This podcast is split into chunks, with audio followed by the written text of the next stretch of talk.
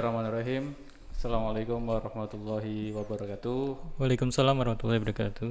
Kembali lagi di podcast bicara. Nah, teman-teman, kali ini saya nggak sendiri ya. Eh, ada saudara Kang Edward atau nama lengkapnya Muhammad Muhammad Edward Sopan. Sopan. Iya, panggilnya Edward. Edward. Oke. Sekilas namanya kayak ini Kang apa? Eh, kayak orang luar negeri. Bener gak sih? Iya, betul dari British ya.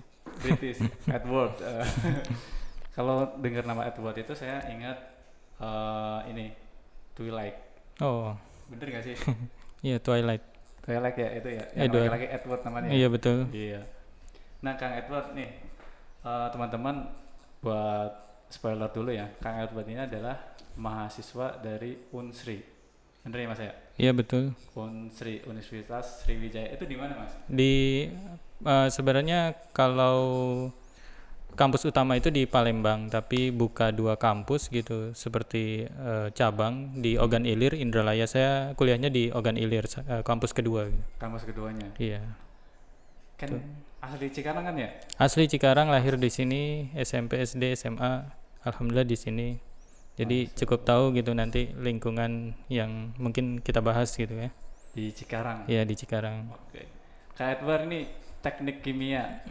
Dulu emang sekolahnya SMK-nya apa mas? Eh, SMA IPA sih, jurusan IPA SMA negeri umum iya. gitu. Jadi ahli kimia nih sekarang nih ya.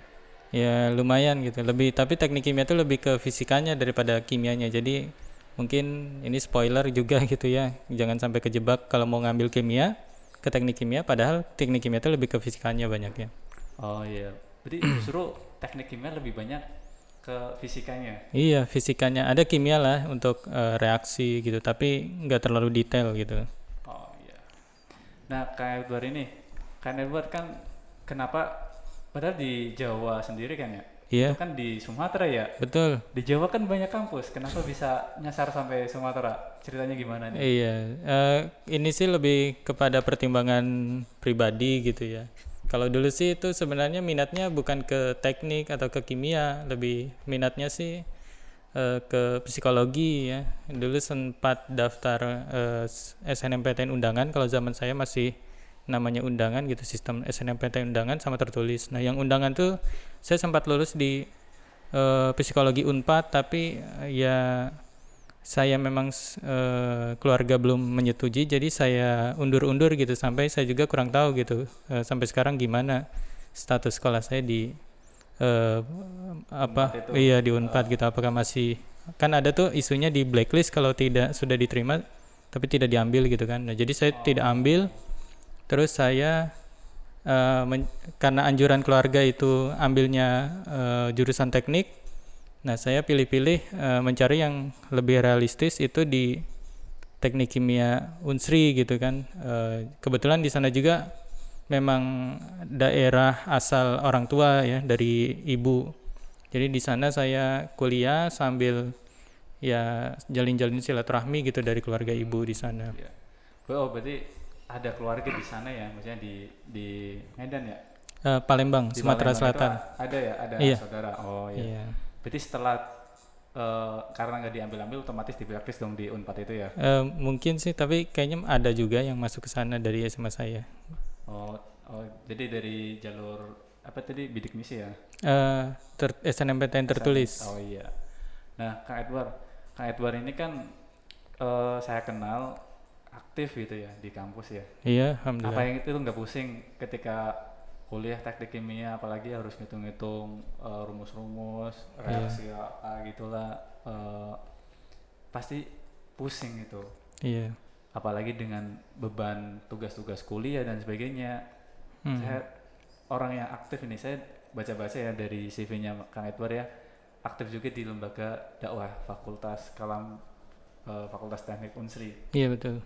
Kok bisa gitu dengan segu apa kegiatan aktivitas di kampus secara kegiatan KBM kegiatan belajar mengajar aja udah penuh masih bisa aktif di luar Iya.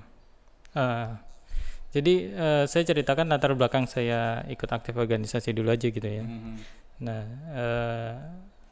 la- alasan saya aktif di organisasi itu tidak terlepas dari pengalaman saya ya, informasi gitu kalau mungkin kaum muslimin sering eh, dengar istilah namanya maklumat gitu maklumat itu artinya informasi gitu jadi eh, apa yang menyebabkan kita bergerak itu berdasarkan apa informasi yang kita konsumsi betul nggak sih Iya betul betul. Iya, nah sama saya memilih jalan aktif di organisasi eh, itu tidak terlepas dari hukum sebab akibat mempunyai maklumat eh, yang sudah tertanam pada diri saya gitu. Termasuk juga pengalaman yang mempengaruhi diri saya. Jadi karena saya di Cikarang gitu ya. Saya di Cikarang tuh sebenarnya anaknya itu lebih banyak diamnya, pendiamnya. Banyak orang-orang bilang saya tuh pendiam gitu kan. Introvert gitu. Ah, introvert. Suka Tapi- lebih banyak di rumah. Iya. Tapi aktivitas introvert tuh saya lebih banyak ke menganalisa eh, apa unsur sosial gitu, faktor sosial di Cikarang, pergaulan. Misalkan ya, di Cikarang tuh kalau tahun pertama masuk sekolah SMA atau SMK atau STM itu pasti eh apa ya obrolan utamanya itu eh tawuran. Nah, mungkin eh, kalau pendengar yang berasal dari wilayah yang dihuni mayoritas bukan dari penduduk asal, karena Cikarang ini kan banyak orang eh, perantau gitu ya. Maksudnya seperti karyawan gitu. Jadi budaya di Cikarang ini eh, agak tergusur gitu. Jadi yang menjadi fokus orang-orang yang tinggal di Cikarang ini lebih banyak eh, memenuhi kebutuhan. Nah, jadi eh, faktor tergusurnya budaya itu ber- mempengaruhi eh, cara bergaul orang-orang yang ada di Cikarang. Termasuk misalnya tadi yang saya sebut anak SMA itu ketika di tahun pertama masuk masuk SMA itu Hmm. Ramai tentang istilah tawuran. Misalnya dia mulai tahu mana yang menjadi lawan dari eh, sekolahnya, law- maksudnya bu- musuh bebuyutan dari sekolahnya gitu. Misal di sekolah A itu musuhnya di sekolah B. Iya gitu. Misalkan kalau di Cikarang tuh ada apa ya skin sama eh, saya juga agak nggak Udah- kurang udah lupa ingat ya? Iya. Ada gitulah atau ada nama istilah sekolah Texas dan lain sebagainya gitu. Nah saya tuh eh, menganalisa gitu ya banyak eh, cara bergaul orang-orang Cikarang itu yang eh, arah tujuannya itu arah tujuan hidupnya itu eh, mengikuti arus saja. Maksudnya melaksanakan melak- mengamalkan sesuatu melakukan perbuatan itu berdasarkan apa yang fakta di hidupnya itu sedang berjalan. Ya contohnya misalkan budaya tawuran. Bukan hanya tawuran misalkan di sekolah tuh ada eh, budaya palak gitu ya atau eh, senior junior gitu ya. Nah semacam itu eh, pergaulan yang menurut saya eh, termasuk pergaulan yang rusak ya.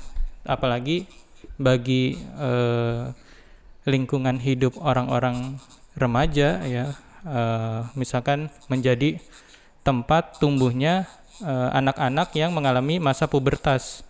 Pubertas itu kan masa labil gitu ya ketika yang disuguhkan itu yang menjadi konsumsi mereka itu lingkungan-lingkungan yang rusak ini otomatis pasti akan eh, membentuk ya, generasi masa depan yang Yang rusak, rusak juga, juga. gitu betul nggak sih Iya betul. Oke. Oke, berarti ini ya apa eh, karena satu tadi karena informasi atau namanya maklumat ya. iya Ya karena informasi yang kita terima bahwa alasan terkuat kenapa nih kok berorganisasi selain dari lingkungan yang emang udah rusak itu mungkin secara garis besarnya eh, kita ada kontribusi kecil untuk membenahi hal tersebut ya. Ah, iya, jadi dari eh, fakta yang saya terima di mana pergaulan eh, sistem pergaulan bukan sistem pergaulan gitu ya. eh, ya budaya pergaulan di Cikarang yang lebih didominasi oleh eh, cara-cara hidup yang ya kita bisa katakan itu tidak sehat gitu ya bagi eh,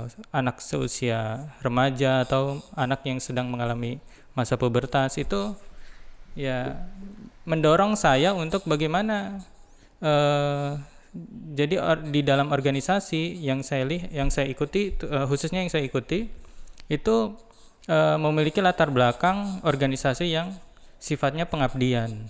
Nah, contohnya tadi disebut lembaga dakwah fakultas. Eh, saya ikut di sana gitu ya tidak begitu lama sih. Saya eh, kurang lebih satu tahun dua tahun gitu ya. Dua tahun satu tahun setengah. Nah saya eh, aktif di sana menyinggung sisi eh, agamisnya gitu agama tapi meskipun di sana eh, karena saya kuliahnya di Palembang saya lebih aktifnya jadi memperbaiki lingkungan pergaulan yang ada di Palembang gitu. Palembang oke. Ya, tapi meskipun saya aktif di sana tetap gitu eh, pengalaman dari saya berorganisasi saya bawa pulang ke Cikarang itu eh, ya tampaknya pada eh, tampak pada saya sampai saat ini juga masih suka aktif di organisasi yang ada di Cikarang. Contohnya di sini tuh ada angkringan dakwah gitu ya. Oh iya iya ada juga pemuda cinta Islam. Islam, gitu ya peci.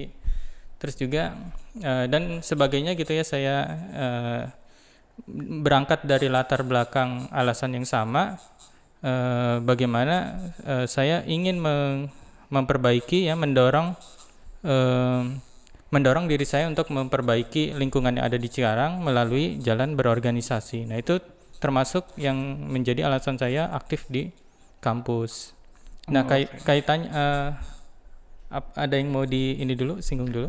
oh iya Eh, ini tadi kan selain aktif di LDK ya Iya. saya lihat juga ini aktif juga di teater ya Ya, Jadi, teater.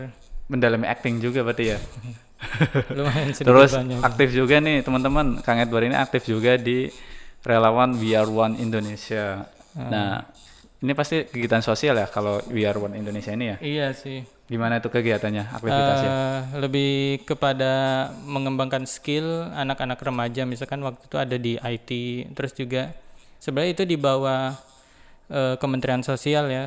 Jadi pe- pernah We Are One itu waktu saya jadi bagian humas waktu itu saya eh, pernah diundang sama Presiden SBY waktu waktu ada acara eh, malam Lailat- Lailatul Qadar gitu 2014 kalau nggak salah. Nah itu kami eh, ya karena didikan eh, naung di bawah naungan Menteri Sosial kami eh, sempat menjadi tamu undangan sih di sana. Kalau aktivitas eh, kegiatannya sih lebih kepada eh, pengabdian kepada eh, masyarakat ya eh, secara umum gitu. Me- apa mengasah skill misalkan ada eh, apa training gratis gitu. Nah, lebih ke sana. oh berarti lebih ke ini ya apa pengembangan kemampuan diri Iya, gitu dari segi tadi kayak IT atau apa ya Iya. dan juga aktif di rumah zakat sebagai volunteer Hmm. kayaknya memang Kang Edward ini jiwa sosialnya tuh tinggi banget nih Iya. teman-teman selain tadi dari zaman sebelum masuk kampus pun udah aktif terus pas di kampus aktif ketika sudah lulus pun aktif juga maksudnya di organisasi nah dan juga sebagai anggota badan eksekutif mahasiswa ya Iya, betul. itu di bidang apa di Kang Edward? Itu media informasi sih. Eh, jadi eh, untuk jadi ada sempat pindah departemen juga sebelumnya di PPSDM, kemudian di eh, media informasi gitu. Jadi yang sifatnya lebih ke dokumentasi eh, apa kegiatan Kegiatan-kegiatan Ber- gitu ya. Oh. BEM gitu, lebih ke sana gitu. Tapi sempat juga eh, media informasi itu saya sebagai anggota BEM bukan hanya aktif di satu departemen, tapi juga ketika ada eh, misalkan eh, eh, waktu itu ada apa ya kak permasalahan masyarakat mengenai sengketa eh, perizinan dengan perusahaan. Nah itu kan harus dilakukan aksi. Jadi yang meng apa ya mengakomodir gitu ya istilahnya Ah, aksi kegiatan aksi itu BEM Unsri salah satunya.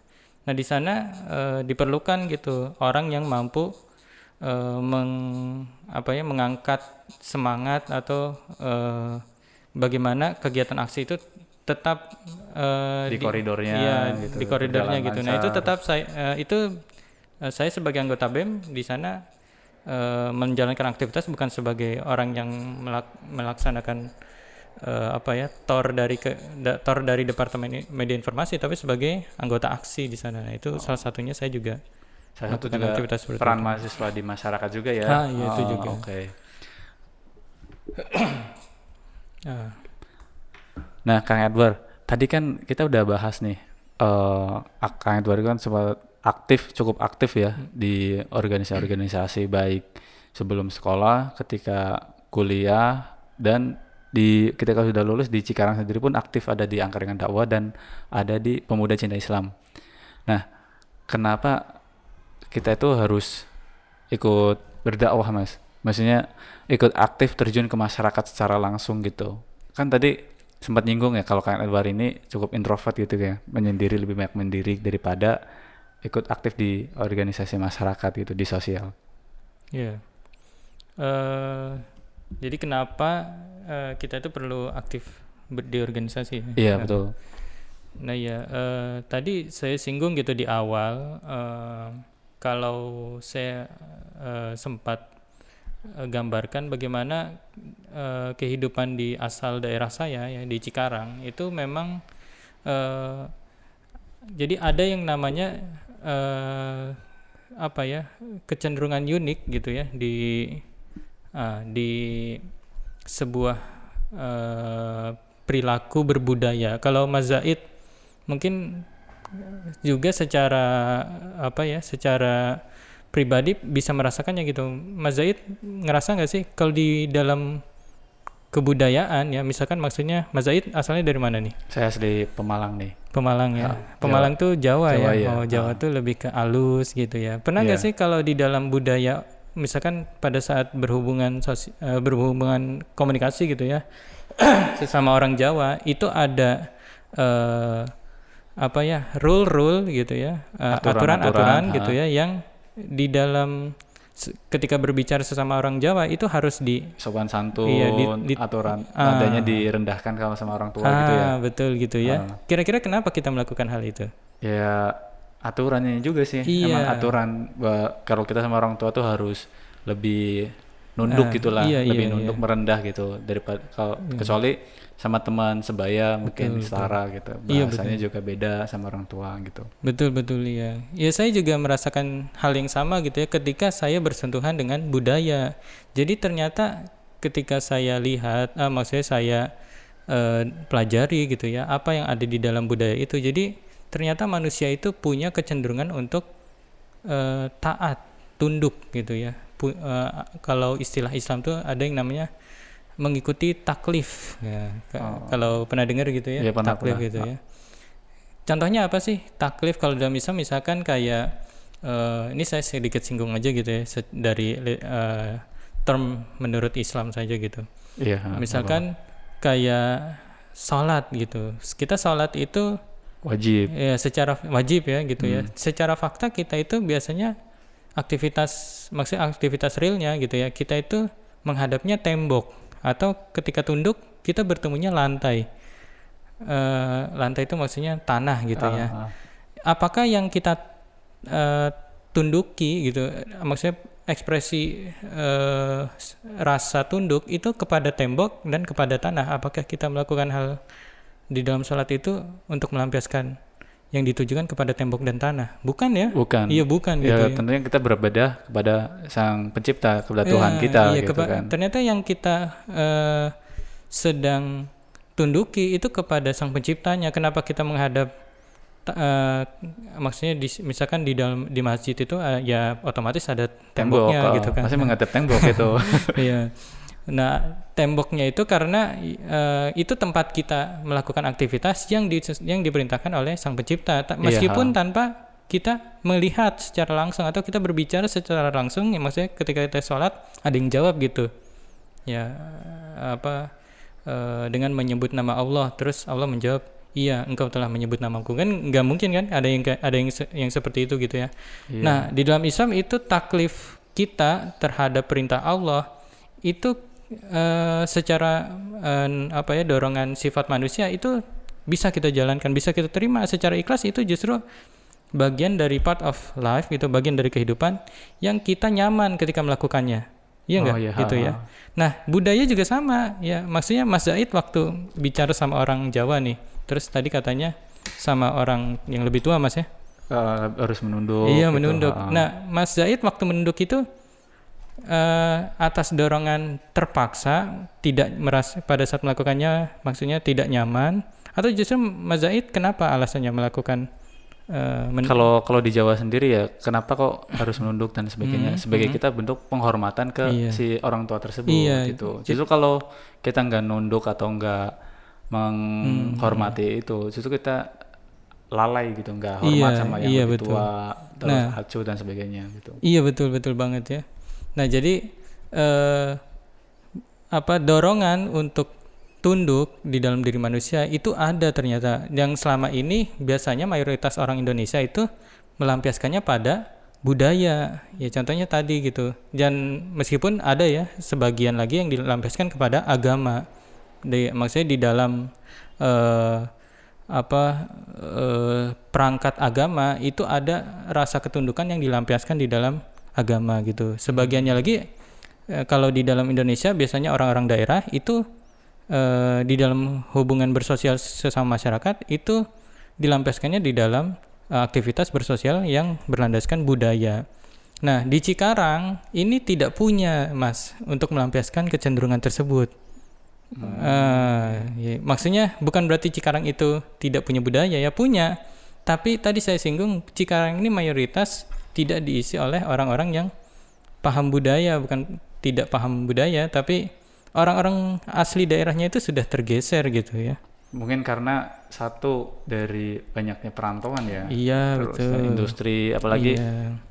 kalau di kalau saya bisa sebut Cikarang itu udah masuk kota kan. Iya iya. Karena kayaknya akses dari segala media maupun transportasi semuanya udah mudah. Iya betul. Apa saja udah mulai masuk. Iya iya. Ya. Nah, eh, apa ter- eh, tidak terlampiaskannya ke dorongan eh, ketundukan yang ada di dalam diri manusia di mayoritas warga-warga Cikarang.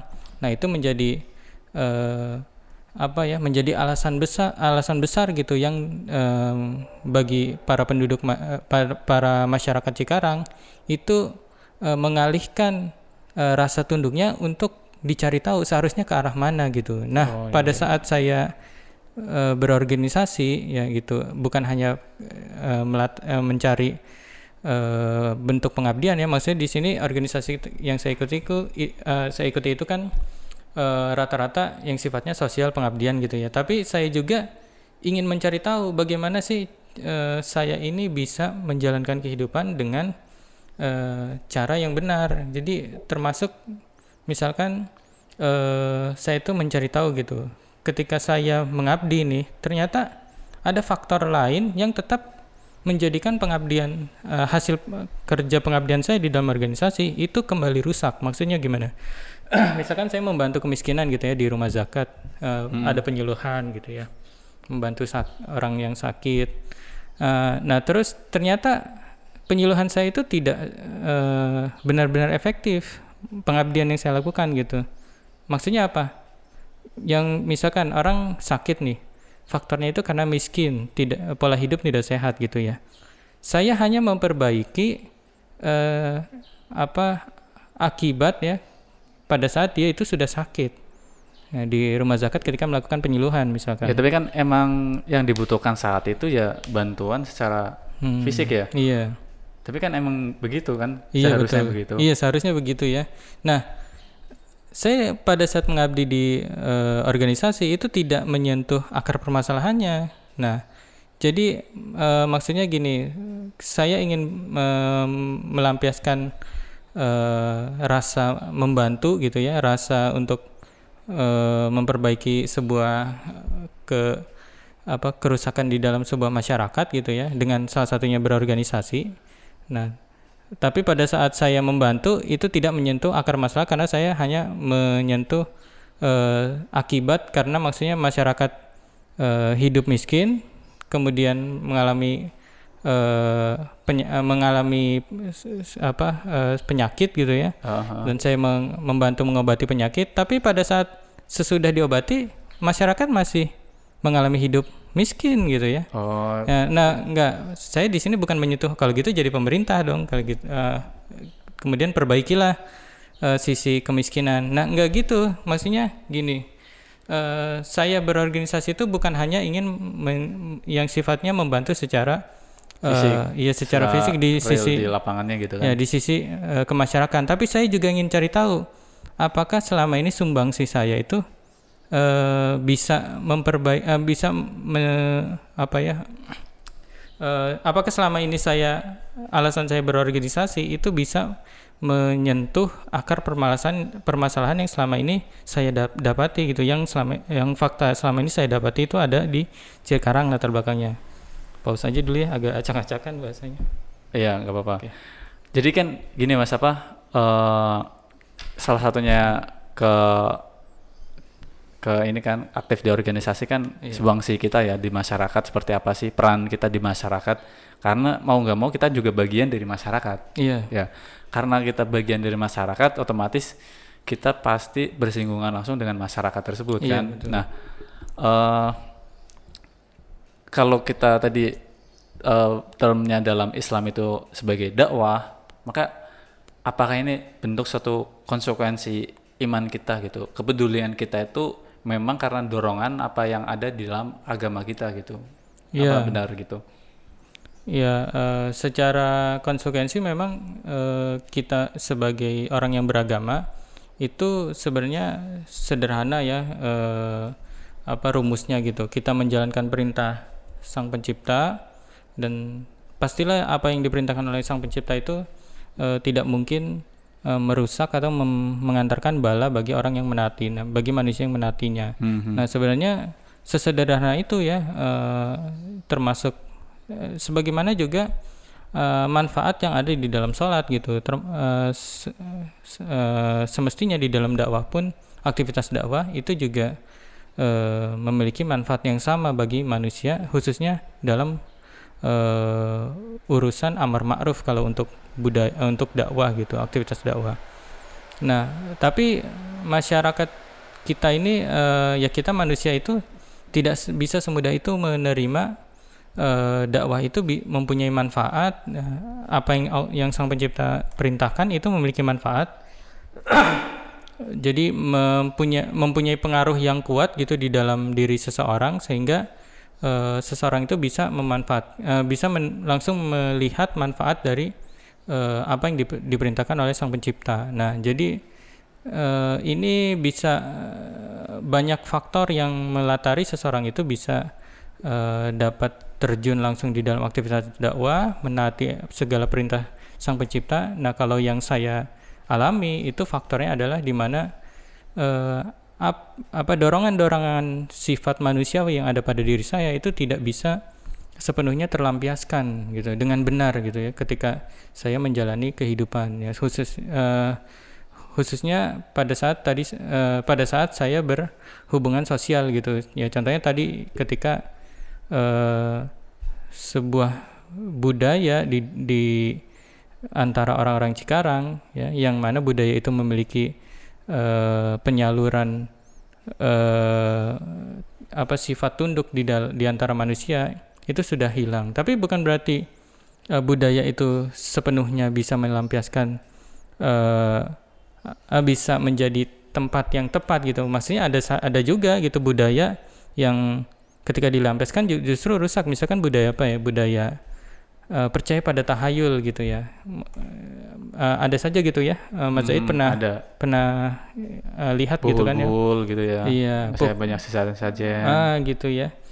Eh, jadi bukan sisi budaya pada eh, budaya itu sendiri gitu ya. Secara subjektif budaya itu bisa me- menjadi tempat pelampiasan dorongan ketundukan yang ada di dalam diri manusia. Eh, kalau dalam Islam dorongan ketundukan itu le- biar lebih mudah itu namanya gorizatun tadayun gitu kalau sering kalau sering dengar gitu ya. Nah, eh, gorizatun tadayun ini se- sebenarnya sudah menjadi fitrah gitu di dalam diri manusia yang eh, yang kalau manusia tidak melampiaskannya secara tepat itu dia akan merasakan kegelisahan. Nah, inilah yang menjadi faktor terbesar gitu ya, bukan hanya gorisah tadayun saja gitu, tapi saya eh, melihat kasus yang banyak eh, tidak tidak terpenuhi ya di dalam masyarakat daerah saya gitu Cikarang ini di mana eh, tadi gorizatun tadayunnya itu tidak terlam- terlampiaskan dengan benar. Ya contohnya tadi taat kepada sesuatu yang tidak bisa dipertanyakan. Nah di dalam misalkan kalau orang-orang tadi yang berbudaya tahayul. Mempercayai tahayul. Tahyulnya itu bukannya tidak bisa dipertanya tidak bisa dipertanyakan ya. Bisa dipertanyakan tapi ketika dijawab eh, ketika diberikan jawaban itu tidak bisa memuaskan eh, apa tuh istilahnya rasa ketundukannya gitu. Ngerti nggak sih? Apa terlalu Iya, ah. berat gitu kalau pembahasannya ke sana. Nah jadi eh, rasa tunduk inilah yang hilang ya di dalam budaya eh, di dalam masyarakat Cikarang khususnya di dalam sebuah kebudayaan gitu ya. Sehingga eh, bagi orang-orang eh, ya karena remaja juga menerima budaya ya contohnya misalkan tadi Mas Zaid asalnya dari mana? Pemalang. Pemalang gitu. Pemalang itu kan anak-anaknya juga tahu eh, Iya. budaya juga kan gitu ya tahu eh, rasa ketun pelampiasan rasa ketundukan itu kan nah jadi eh, latar saya mencari kebenaran ya mencari eh, pelampiasan untuk mengabdi itu tidak terlepas dari eh, pengalaman saya di mana eh, kota Cikarang yang eh, tadi dikatakan bisa saja disebut sebagai kota gitu ya Iya. ya karena mayoritas eh, apa berasal dari masyarakat perantauan gitu jadi eh, wajar kalau saya itu eh, seberusaha mungkin untuk mencari tahu eh, bagaimana sih kehidupan ini dijalankan dengan cara yang benar gitu Oke.